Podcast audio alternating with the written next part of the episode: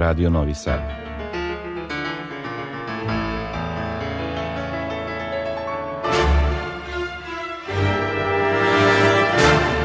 Domaća muzička scena.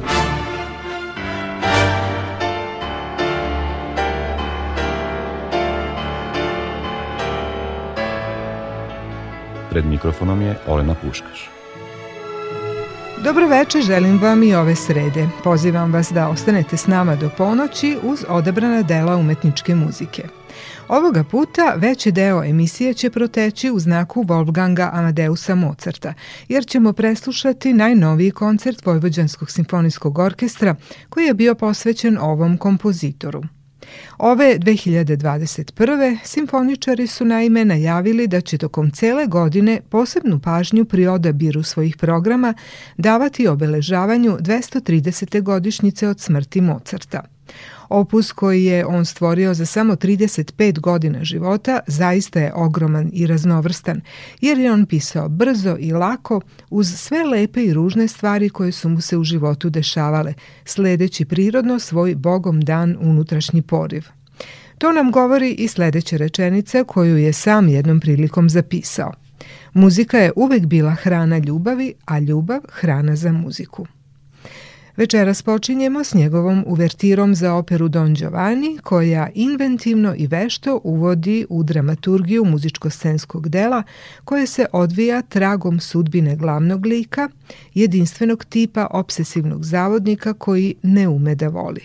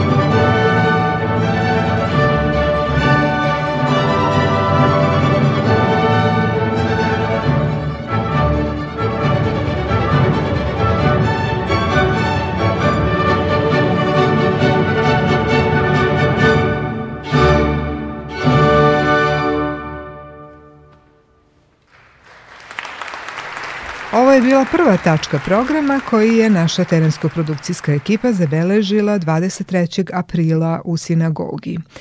Bio je to posle dugo vremena prvi pravi simfonijski koncert održan uživo u Novom Sadu, a slučaj je hteo da je i ovaj, kao i onaj prethodni koji je u februaru 2020. održan pre pandemije koronavirusa, vodio isti dirigent Srboljub Dinić. O njemu ću kasnije reći nešto više, a pre toga čućete prvi deo razgovora s hornistom Radovanom Vlatkovićem, koji kao jedan od najuspešnijih instrumentalista svoje generacije već skoro 40 godina nastupa kao solista i veoma traženi kamerni muzičar širom sveta, popularišući hornu kao izvođač, ali i kao profesor na čuvenom Mozarteumu u Salzburgu. Jako se radujem što vas vidim u Novom Sadu i što ćete biti solista uz Vojvođanski simfonijski orkestar. Evo i nadam se da će slušalci Radio Novog Sada kroz ovaj intervju malo bolje i vas da upoznaju i vaš e, vrlo specifičan instrument. Evo, kažete mi za početak, da li je u vašoj mladosti ikada bilo dileme čime ćete se baviti u životu? Kako ste pronašli hornu ili ona vas? Mhm. E, prije svega veliko mi je zadovoljstvo biti ponovo u Novom Sadu. Za Novi Sad me lijepa sjećanja, muzička vežu. Zadnji put smo nastupali uz naše kolege francuskog ansambla Le Vent Français, baš ovdje u sinagogi. A i prvi moj posjet Novom Sadu je bilo u doba studija na Petrova Radinu kad se tamo održavao susret muzičkih akademija, tako da imam puno i niz sjećanja već kroz zadnjih 40 godina i više što se tiče mog instrumenta, e, imao sam sreću da ga upoznam i zbližim se s njim već u ranoj mladosti, sa nekih šest godina. Tada smo boravili u Americi, moj tata je radio tamo na univerzitetu kao naučnik i imao jednog prijatelja koji je bio hornist i on je postao moj prvi e, učitelj. Tako da je to bila samo igra, kasnije hobi i onda je postepeno postala recimo profesija, odnosno više možda poziv lokacija i um, tako da u stvari stvarno nije bilo e, dvojbe oko toga koji će biti instrument ali interesirale su me i druge stvari, ali onda sam relativno rano krenuo na studije, onda negdje od 15. godine nadalje je bilo prilično jasno da će mi to postati isto životni put. E, za hornu među dovačima važe raznorazne E, priče, da ne kažem fame o tome da je jako teško kontrolisati ton na njoj, da, da je to jedan od najtežih instrumenta. E, šta je od toga istina, u stvari u čemu je specifičnost ovog instrumenta? Zašto je ona tako posebna? Da, ovo je pitanje koje relativno često dobivam i ja se koncentriram međutim na izražajne, na ekspresivne mogućnosti našeg instrumenta. Naravno da je svaki instrumentalist e, zaljubljen u svoj glazbalo, u svoj instrument, međutim kod droga je specifično to da čini mi se i kod široke publike evocira uspomene, vraća nas u povijest, e, njime se čak i u filmovima, u filmskoj muzici označavaju oni snažni osjećani momenti, mislimo na recimo ne znam Out of Africa ili mnogi drugi filmovi koji su nastali Hollywood, tako da postoji nešto kao taj hollywoodski sound koji ljudi poznaju i bez da poznaju naš instrument. Kad ga čuju u koncertnoj dvorani, onda prepoznaju i spajaju tek taj sound koji je ovaj, poznat sa onim što se događa. Što se tiče klasične muzike, tu smo, imamo sreću da iako nemamo tako ogroman repertoar kao možda neki drugi instrumenti, pijanisti ili violinisti pa i pjevači naravno. Imamo vrijedan i poseban e, repertoar, tako da u to sigurno spadaju i ovi mocetovi koncerti od kojih ćemo večeras jednoga izvesti, pa onda koncerti Richarda Strausa pa dijela iz baroka, iz klasike, a i iz 20. i 21. E, stoljeća E, neki koji su e, naravno komponirani na inicijativu e, hornista koji su kontaktirali kompozitor. Tako je u ovom Mozartovom slučaju to bio njegov prijatelj, Lightcap, kolega njegovog oca koji se iz Salzburga premjestio u Beći, i kada je Mozart sam došao tamo, onda ga je zamolio za dijela, tako da je nastao čitav niz djela, ne samo ovaj koncert, nego više njih, nekih možda sedam koncerata je bilo zamišljeno pa onda komorna muzika, kvintet uz e, gudače i tako dalje. A što se tiče modernog repertoara, isto sam imao sreću da se jedan određeni broj kompozitora odazvao mom pozivu, tako sam imao sreću da je poljski kompozitor isto Krištof Penderecki pisao za mene jedan koncert, on je nažalost preminuo prošle godine, ali taj koncert mi je posebno prirasao srcu i niz eh, kompozitora u Hrvatskoj, inače komorna muzika, Elliot Carter, Sofia Gubajdulina i mislim da je to jedan dio naše aktivnosti i čak i obaveze da, da stvaramo novi eh, repertoar i da ga izvodimo, tako da ta živa nova muzika bude dio repertoara.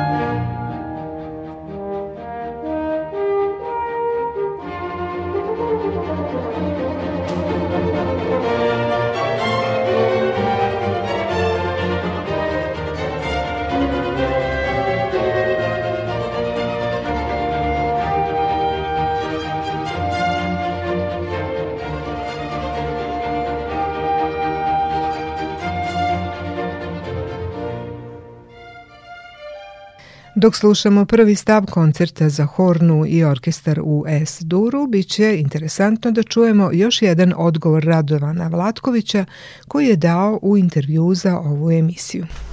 E, vi ste u karijeri oko 35 godina, možda i više, vrlo, vrlo aktivno sve vreme svirate i, i bavite se hornom.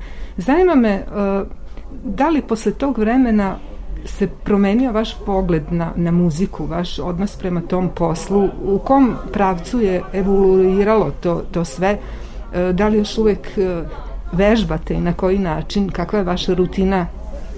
Da, vježbam jer bez toga ne bi nikako išlo, to je ono što nije išlo, ovaj, jasno ljudima koji rade porez, jer one misle da mi dođemo na binu da se pripremamo.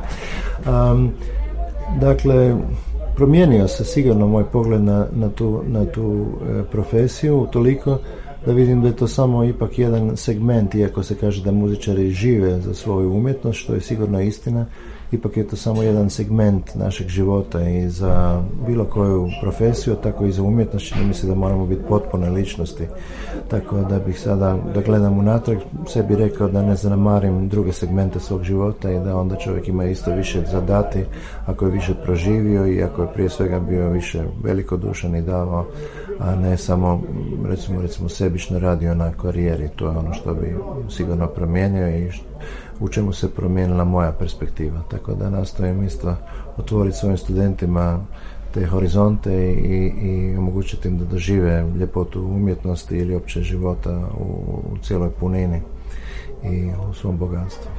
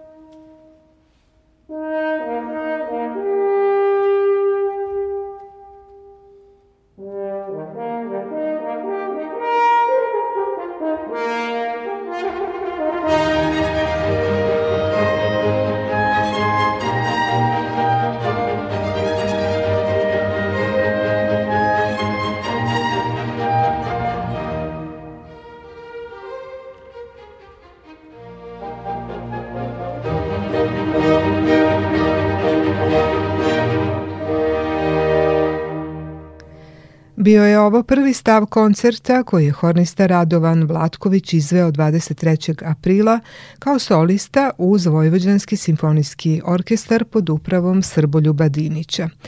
Večeras ga u emisiji Domaće muzička scena predstavljamo i kroz intervju koji je dao posle generalne probe. Vaša karijera je započela negde ranih 80. godina prošlog veka u vreme još velike Jugoslavije E, e, vrlo brzo ste nekako se pozicionirali u sam vrh e, svetske umetnosti na Horni. Kako sada sa ove perspektive od više decenija kada je prošlo gledate na onaj period, da li je tada konkurencija u odnosu na danas bila veća, manja, da li je bilo teško probiti se? Ha, to je možda zanimljivo pitanje. Hvala vam na komplimentu. Ja sam, ono što sam pratio nije možda bila toliko karijera, nego oduševljenje sa instrumentom i sa svim onim što mogu naučiti. Bio sam radoznao, znati željan, tako da kad sam relativno rano napustio Zagreb nakon studija s 18 godina i nastavio svoje usavršavanje u Njemačkoj, E, interesiralo me prije da puno naučim od svog profesora o repertoaru, o tehnici sviranja i bio sam oduševljen da imam tu priliku. Onda vrlo brzo se je stvorila prilika da radim i u Berlinu, u tadašnjem radio simfonijskom orkestru, to je današnji Deutsche Sinfonije orkestra i tamo smo opet imali priliku uz mnoge dirigente i soliste puno toga naučiti. Tako da ja sam osjetio početak svoje profesionalne karijere jednostavno kao nastavak učenja a to da sam imao onda sreće gdje su me puno ljudi podržali u tome i jednostavno su prilike bile tako da smo imali dobar muzički sistem sa muzičkim školama i kasnije u Njemačkoj i to je naravno sve doprinijelo tome.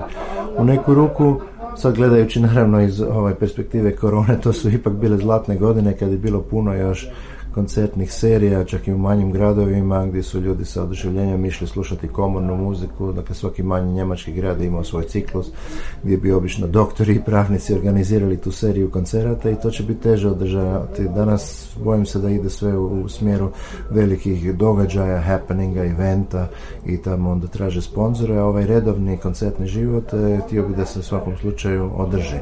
Tako da je nam posebno teško u ovo vrijeme korona, ali tražimo puta djelomično i, putem, i, i ovaj, putem medija, live streama, snimanja, to je bilo jako aktivno sad u prošloj godini. Um, da, imao sam puno sreće i zahvalan sam svima e, koji su vjerovali u mene i prilikama koje su tada bile stvorene. Da odgovorim direktno na vaše pitanje, pa svako doba ima svoje izazove, tako da je teško porediti što je onda bila konkurencija, što je danas. Ako se radi u apsolutnim brojkama, da, Postoje studije koje govore, budući da se bavim pedagogijom, da je situacija danas za studente teža jer je sve manje stalnih radnih mjesta, govorimo o orkestrima kojih najviše ima u Njemačkoj, a sve više je broj dakle, diplomiranih muzičara, tako da te škare se sve više onda šire i to je sigurno problematično. Međutim, isto tako znamo da evo do, do prije korone je mnogi broj muzičara, ne samo muzičara nego i drugih umjetnika, glumaca i tako dalje živio kao freelance eh, umjetnici, jel? dakle samostalni umjetnici i to je bilo rješenje tako da i mi danas svojim studentima savjetujemo da se ne koncentriraju samo na isključivo na jednu aktivnost nego i da sviraju i da podučavaju i tako dalje, da razgranaju svoju aktivnost.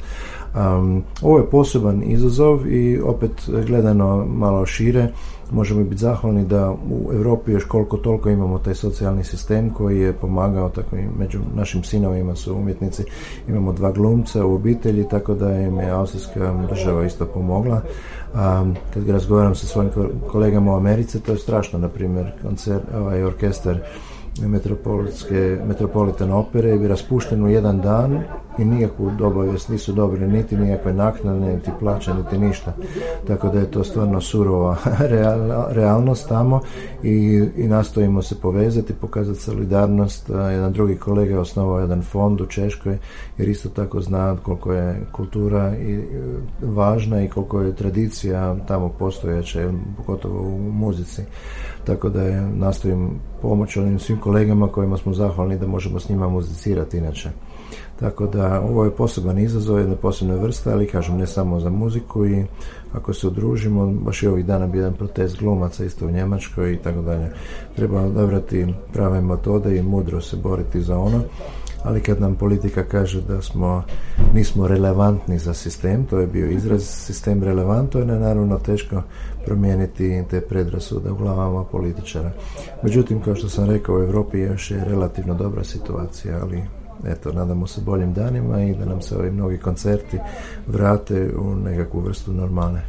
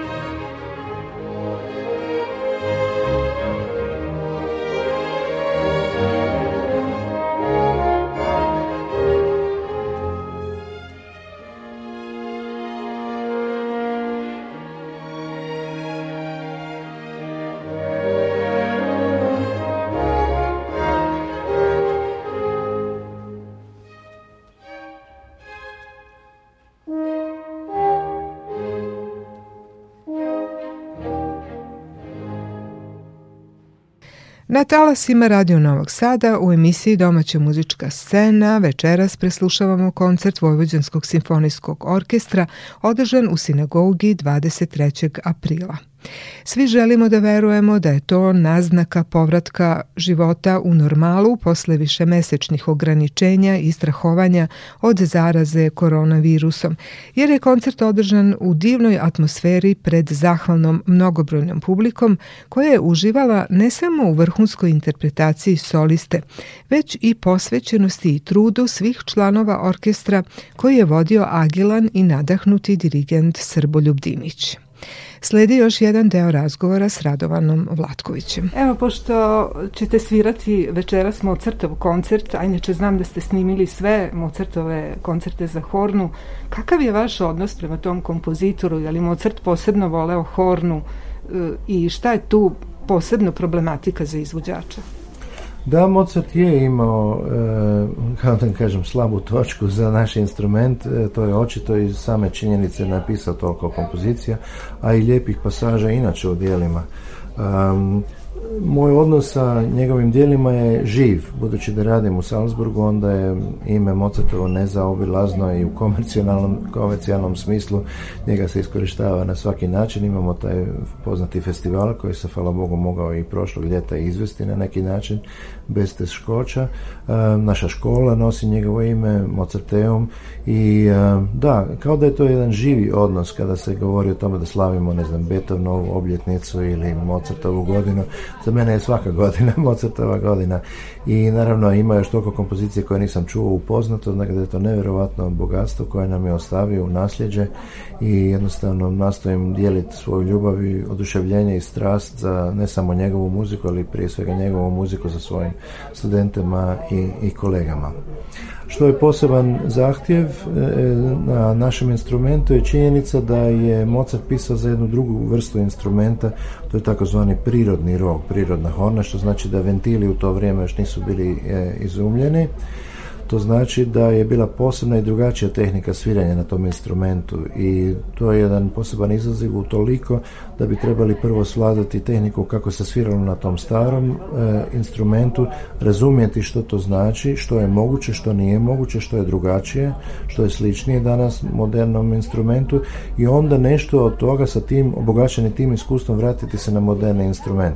Mogli bismo porediti recimo kod gudača, ne znam, koji sviraju na baroknom instrumentu sa baroknim gudalom i sa e, žicama od crijeva, a ne metalnim žicama ili ne znam, bah Bahovi instrumenti koje upotrebljava orgulje ili čembalo i tako dalje i onda sa tim saznanjem obogaćeni vratiti se na moderni instrument. E, mi možemo sada hipotetski razgovarati o tome što bi Mozart razmislio e, mislio o jednom modernom instrumentu, bilo da je to moderni koncertni klavir ili naš instrument i to je naravno stvar spekulacije kako bi on pisao. Pisao bi vjerovatno drugačije, ali on je imao tu nevjerojatnu sposobnost i naravno geni koji je često neobjašnjiv da iz e, nedostataka i limiti, limitiranosti tog instrumenta napravi nešto posebno, nešto bogato. Tako da razumijevanje te muzike i tehnike sviranja je to, u tome bih možda rekao, a naravno ono što svi muzičari znamo da je to instrumentalna pršava, elegantna, djeluje vrlo lako kad se dobro svira, ali zahtijeva veliku virtuoznost, veliko iskustvo, veliku kontrolu, veliku virtuoznost, puno vježbanja, puno pripreme i to se ne mijenja bez obzira koliko čovjek ima iskustvo, tako da i dalje da vježbam i vjerojatno ću morati više, a ne manje vježbati u ovim godinama. Da. Sad sam na probi gledala kako su naši hornisti iz, iz orkestra vas slušali sa strahopoštovanjem Kakav je vaš susret na, sa našim simfoničarima bio evo, tokom ovih nekoliko dana na probama? Na čemu ste mogli eh, uraditi i izraditi za ovo kratko vreme?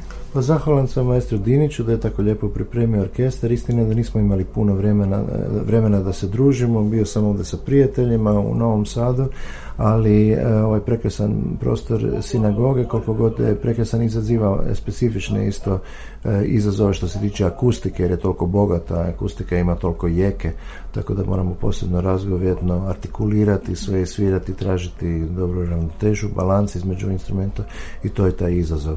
Ali orkestru želim i dalje sve, sve najbolje i nadam se da mogu onda još obogatiti svoju sezonu jednog lijepog dana kad se vrati na normalno da, da će stvari biti još i bolje tako da želim im kontinuirani uspjeh i puno lijepih koncerata i doživljaja o budućnosti. Ja vam zahvaljujem na ovom razgovoru i nadam se da će biti prilike da opet nastupite u Novom Sadu. Bilo mi je zadovoljstvo. Hvala meni. Hvala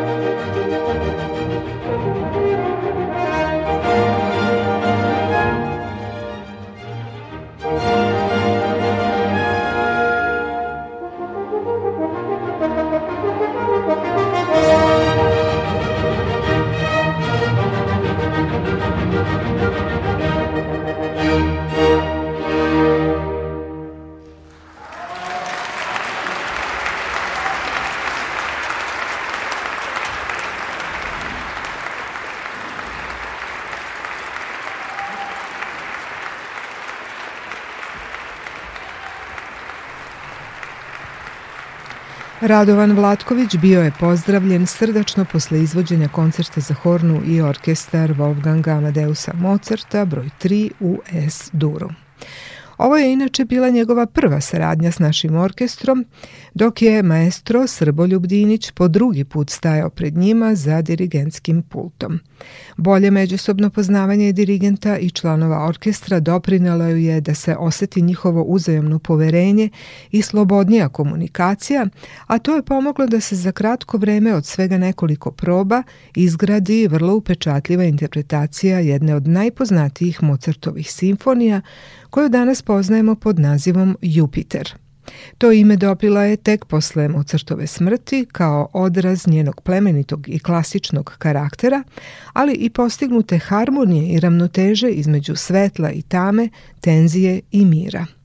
Ona je posljednja u Mozartovom simfonijskom opusu i ubraja se u prve moćne stubove simfonijske literature uopšte. Njen svečani blesak donosi već izbor cedur tonaliteta, a za nju je karakteristično i stalno kontrastiranje forte i piano dinamike, kao i sinteza prozračnog, galantnog i polifonog stila.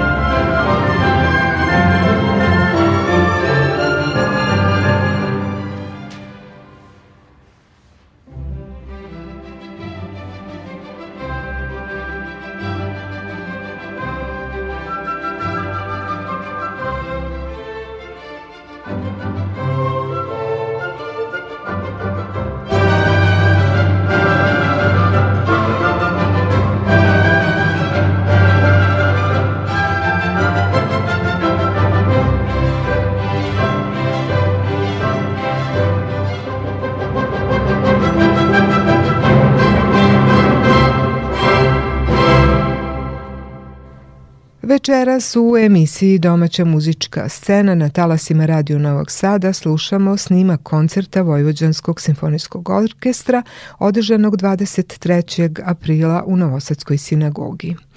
Dirigent je bio Srboljub Dinić, aktuelni muzički direktor orkestra i teatra u Braunschweigu u Nemačkoj i do skora šef dirigent orkestra pozorišta lepih umetnosti u Meksiko Sitiju. Veliki deo njegovog repertoara obuhvataju opere i u toj oblasti je sarađivao sa zvezdavama savremene operske scene kao što su Ana Netrepko, Diana Damrau, Agnes Balca, Ramon Vargas, Francisco Araiza, Željko Lučić i drugi.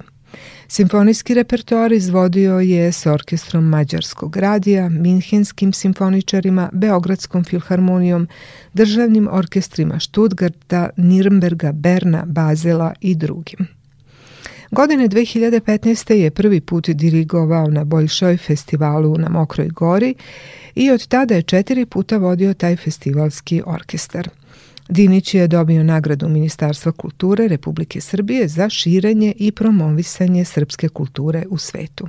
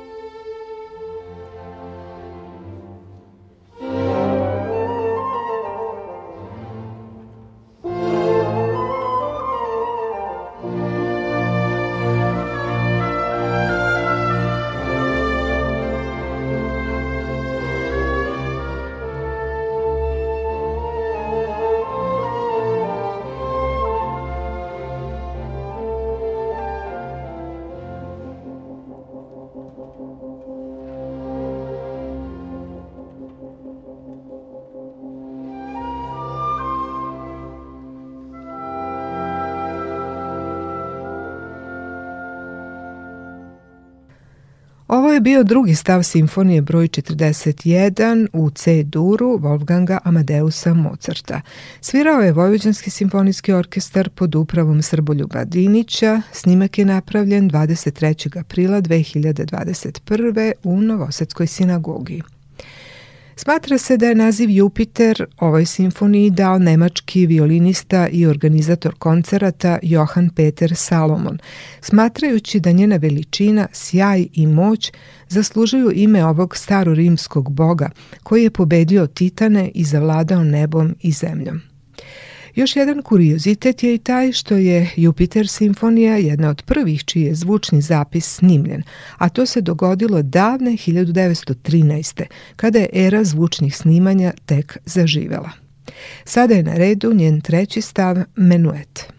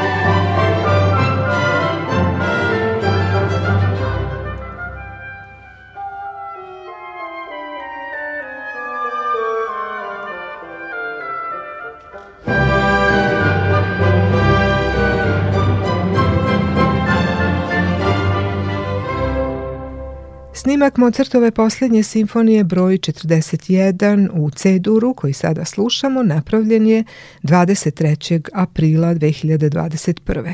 Oveđanskim simfonijskim orkestrom diriguje Srboljub Dinić.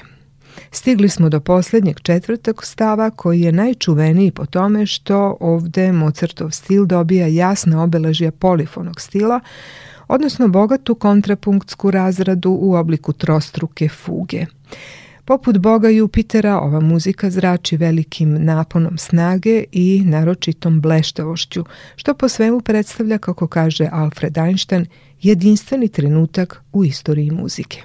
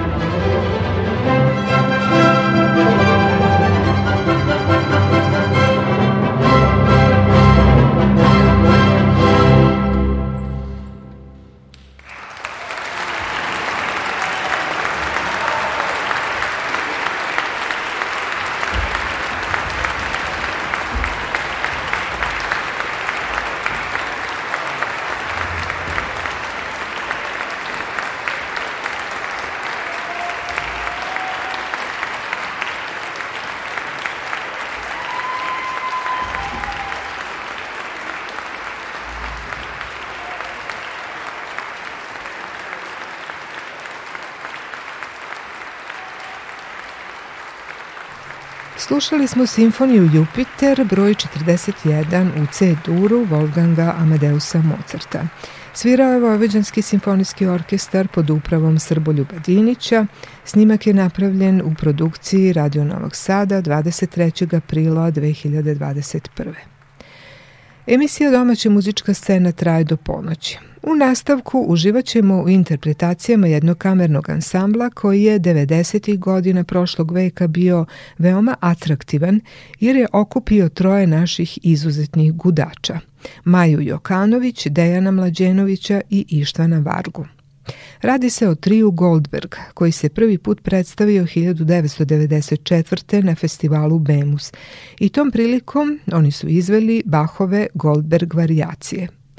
Taj veliki umetnički poduhvat koji je kritika ocenila kao jedan od vrhunaca festivala te godine, obeležio ih je i imenom Goldberg. Ansambl je dalje nastavio sa radom i održao niz uspešnih koncerata.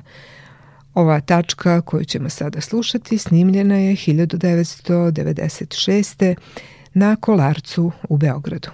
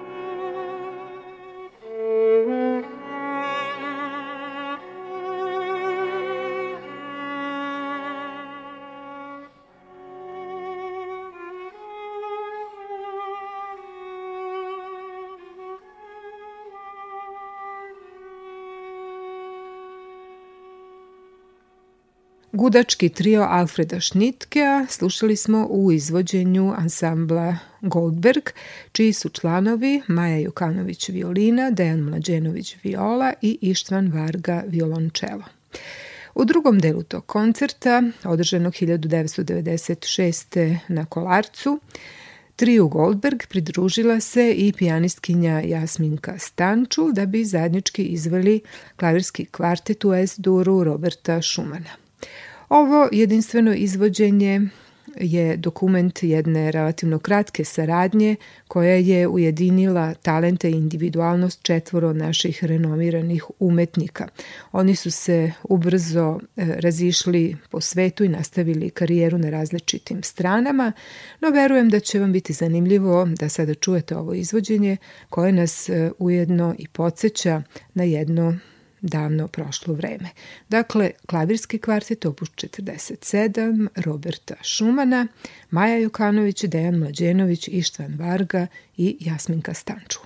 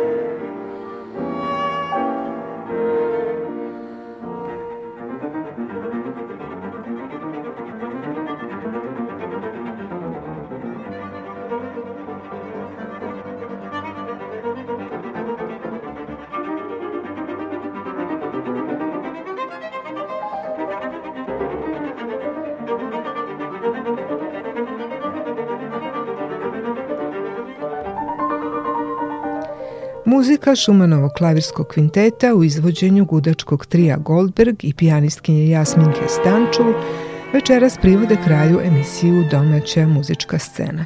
Tačno u ponoć preuzet će vas ekipa našeg noćnog programa, a ja vas pozdravljam iz studija Radio Novog Sada u ime ton majstora Dalibora Vidovića. Moje ime je Olena Puškaš, Želim vam laku noć i podsjećam da nas možete slušati svake srede od 22.10 na ovom istom mesu.